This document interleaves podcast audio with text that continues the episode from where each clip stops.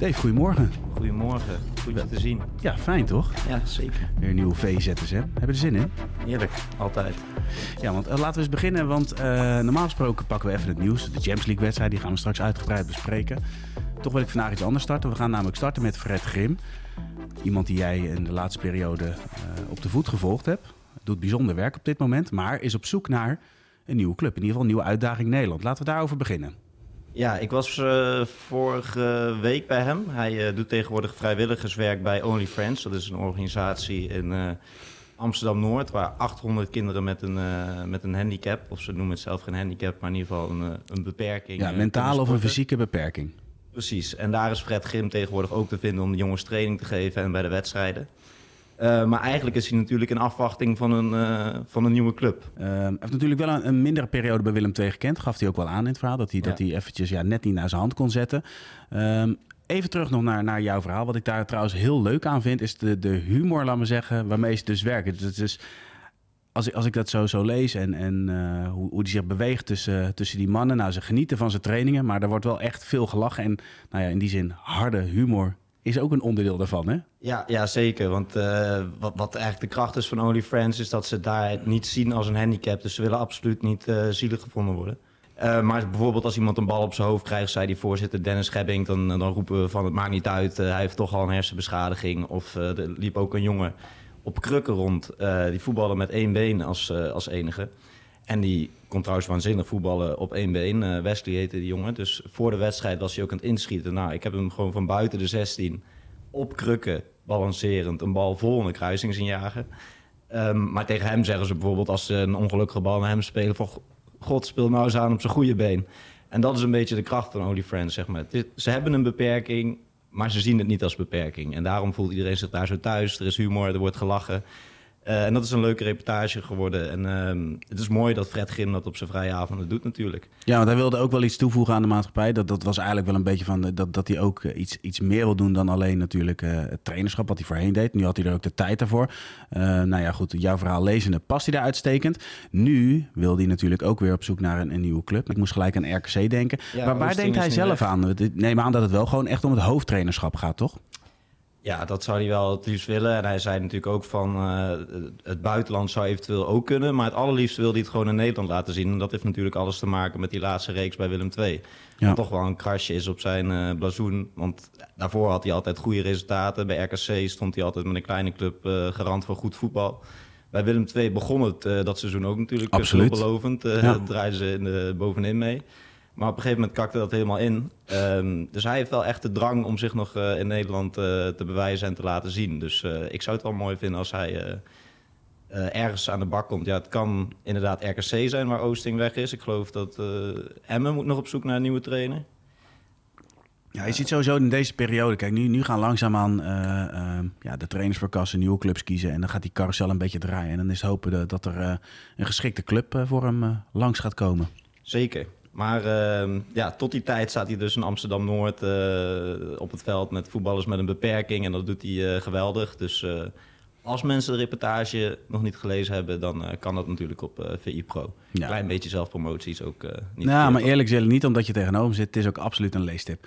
overigens, we sluiten ook af met een leestip. Want Tom Knipping die had deze week ook weer echt een prachtstuk op, op VI ja. Pro. Daarover later meer. We gaan nu eventjes de Champions League bespreken. Of eventjes de Champions League bespreken. We hebben gisteren allebei natuurlijk naar Chelsea Real Madrid zitten kijken. Chelsea, dat geen resultaat weet te boeken. Wat al, dat al weken geen resultaten weet te boeken wel goed voetbal speelde tegen Real Madrid. Maar uiteindelijk is het gewoon ja, dodelijk effectief. Rodrigo scoort en juicht als Ronaldo. Dat irriteerde jou een beetje, hè? Nou ja, irriteerde. Ik wil niet uh, zo'n uh, oude, zure man uh, worden. Maar ja, het is toch een jongen die al 22 goals, geloof ik, al op deze leeftijd in de Champions League heeft. Dan vind ik wel dat je gewoon... dan ben je wel mans genoeg om je eigen manier van juichen te hebben. Dan ga je niet meer de, de, de Ronaldo-juich nadoen, toch?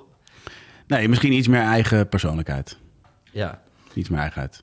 Ja, maar Chelsea, ja, je had, ik kreeg een beetje het gevoel van, kun je nog herinneren dat, ik geloof dat is lang geleden, dat Ajax uh, dan tegen Real Madrid speelde. Dat je het idee had van, we voetballen leuk mee, of we, uh, Ajax, de Nederlandse club, voetbalt leuk mee.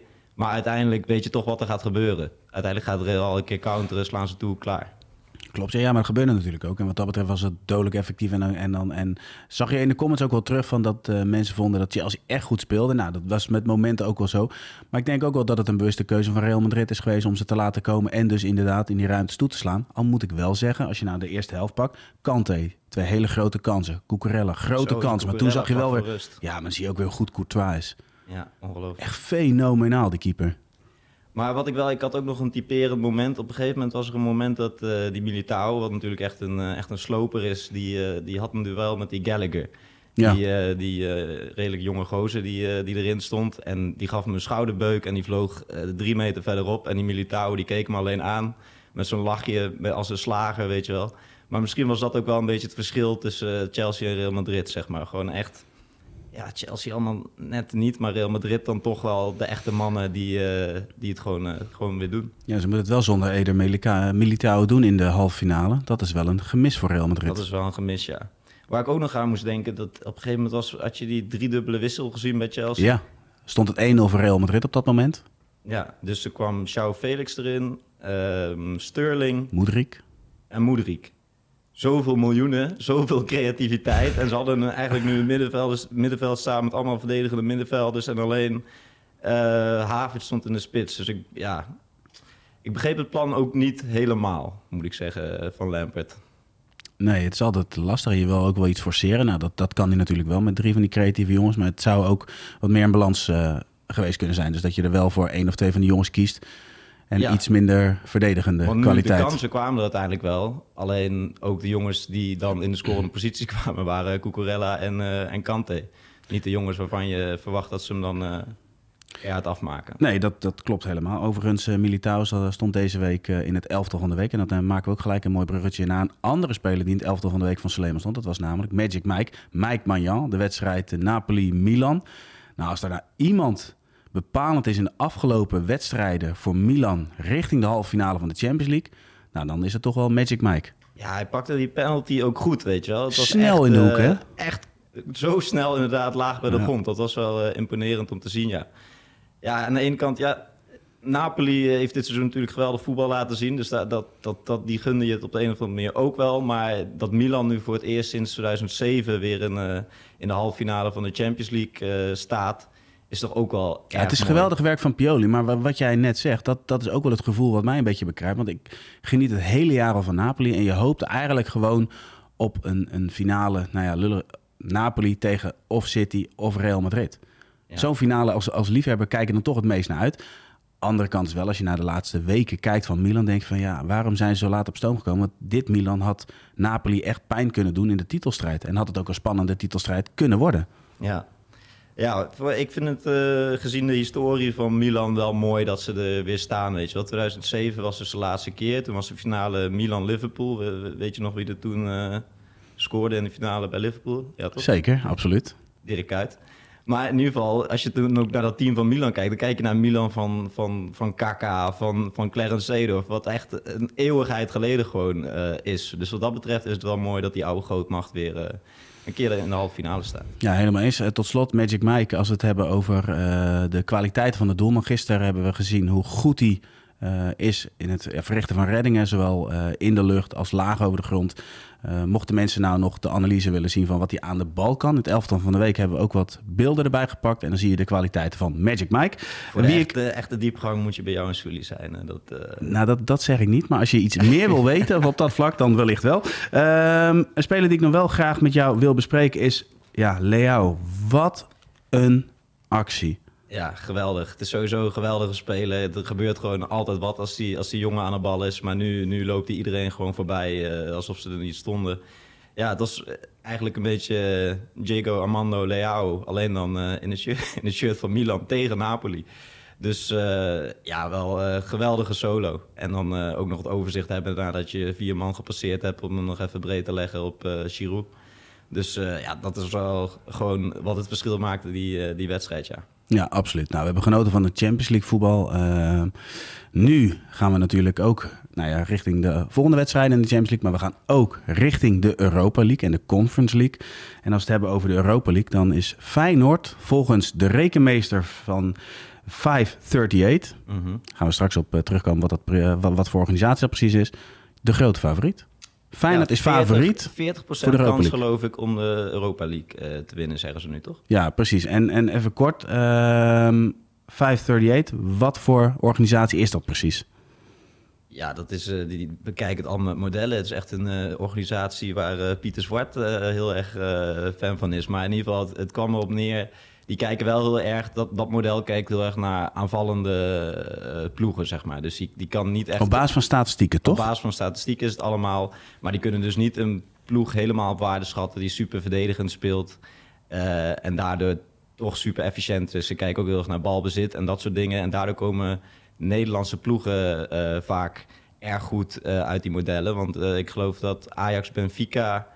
Eh, was er geloof ik 87% kans of zo dat, eh, dat Ajax vorig seizoen dan eh, zou doorgaan. Ja. Ja, we weten allemaal hoe dat is afgelopen. Maar die, die, die, dat model, die modellen zijn gewoon heel erg fan van de Nederlandse manier van spelen. Balbezit. Dus daarom komt Feyenoord er nu ook erg goed uit. Maar we weten natuurlijk allemaal Ja, dat... maar zijn dan er ook modellen te vinden dat een counterploeg weer juist als favoriet aangewezen zou worden? En als we naar het verleden gaan, hoe vaak hebben we niet gehad van... jeetje, wat speelde die ploeg mooi voetbal, maar ze hebben niet de finale gewonnen. Ja, precies. Dus het zegt lang niet alles. En we weten allemaal dat Feyenoord nu gewoon tegen, tegen Roma gaat spelen. En vooral tegen een ploeg van José Mourinho.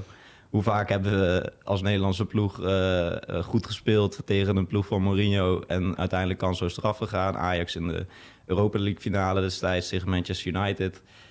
Ja, tegen Mourinho weet je het gewoon nooit. Dan kunnen de modellen natuurlijk wel allemaal zeggen van, eh, dat we de meeste kans hebben. Maar eh, ja, onze Maar ja, tegenwoordig- zal wel iets moois hebben bedacht... waardoor het weer een hele lastige avond gaat worden. Voor Ja, maar tegenwoordig kun je ook zeggen met Arne Slot weet je het nooit. Want die verrast ook vriend en vijand, continu. Dat is zeker waar. En ook nog op, met een positieve manier van spelen... die, die wij als eh, Nederlanders veel meer waarderen. Dus eh, ja, mijn gevoel zegt toch dat, dat, dat, dat Roma eh, en, en Mourinho zeg maar, zo eh, slim zijn... dat ze hem gaan pakken. Maar jouw gevoel zegt meer eh, dat, dat, dat Feyenoord gewoon die 1-0 voorsprong gaat... Nou, het, het- ja, het gek is eigenlijk in aanloop naar de eerste wedstrijd... ehm, ja, had ik er niet zo'n goed gevoel over eigenlijk. Maar als je dan nu kijkt van, van hoe, hoe ze ervoor staan, hoe ze gespeeld hebben... En, en nogmaals, we weten allebei, Pellegrini mist een strafschop, kan het allemaal anders. Ja, we weten het allemaal hoe dat, hoe dat, hoe dat werkt. Maar ja, ik heb daar eigenlijk wel een goed gevoel over. Omdat, wat ik zeg, net zo goed als je voorheen had... ja, oké, plan Mourinho en hij verrast weer. Maar dat heeft Slot op dit moment ook. Ja, ja, eh, laten we dan eh, het goede uit die modellen pakken en, eh, en kijken naar die, dat, ja, dat er dus een grote kans is dat Feyenoord de, Europa League gaat winnen. Het zou natuurlijk geweldig zijn. We gaan het zien, maar laten we maar niet te ver vooruit kijken. Eerst de ploeg van José Mario maar weer onder ogen komen. Ja, precies. We sluiten af met een leestip. Eh, Tom Knipping heeft een nieuwe munt en punten. En dan gaat het over de Europese geld. En zeker een Europese week als dit is dat super interessant om te volgen. En dan pak ik even een post erbij. Eh, als we dan kijken, dat, dat is even een opvallend puntje uit het artikel van Tom. Is dat Malmo, de, eigenlijk de, ja, de slechtst presterende ploeg in het afgelopen Champions League seizoen... dat die aan tv-gelden 16,5 miljoen haalt. En Ajax 1,9. Dat vond ik wel een schrikbarend feitje. Ja, dat, is wel, eh, dat zijn wel pijnlijke eh, cijfers. Dus als je daar eh, meer over wil weten, dan moet je het artikel van, van Tom Knipping. Die kan natuurlijk als geen ander in dat soort dingen duiken. En, en de verklaring daarvoor is daar, daar te lezen. Want ja, het is natuurlijk een gigantisch verschil. Maar in een Europese week als deze moet je wel dat stuk van Tom gelezen hebben. Dan ben je helemaal op de hoogte. Tuurlijk, daar, daarmee kun je indruk maken in de kroeg. Precies. Dave, dankjewel voor je tijd in deze ZSM. En zoals wij vaker zeggen, tot ZSM. Maak je ook een transfer naar VI Pro? Ga naar vi.nl slash zsmpro voor onze scherpste deal.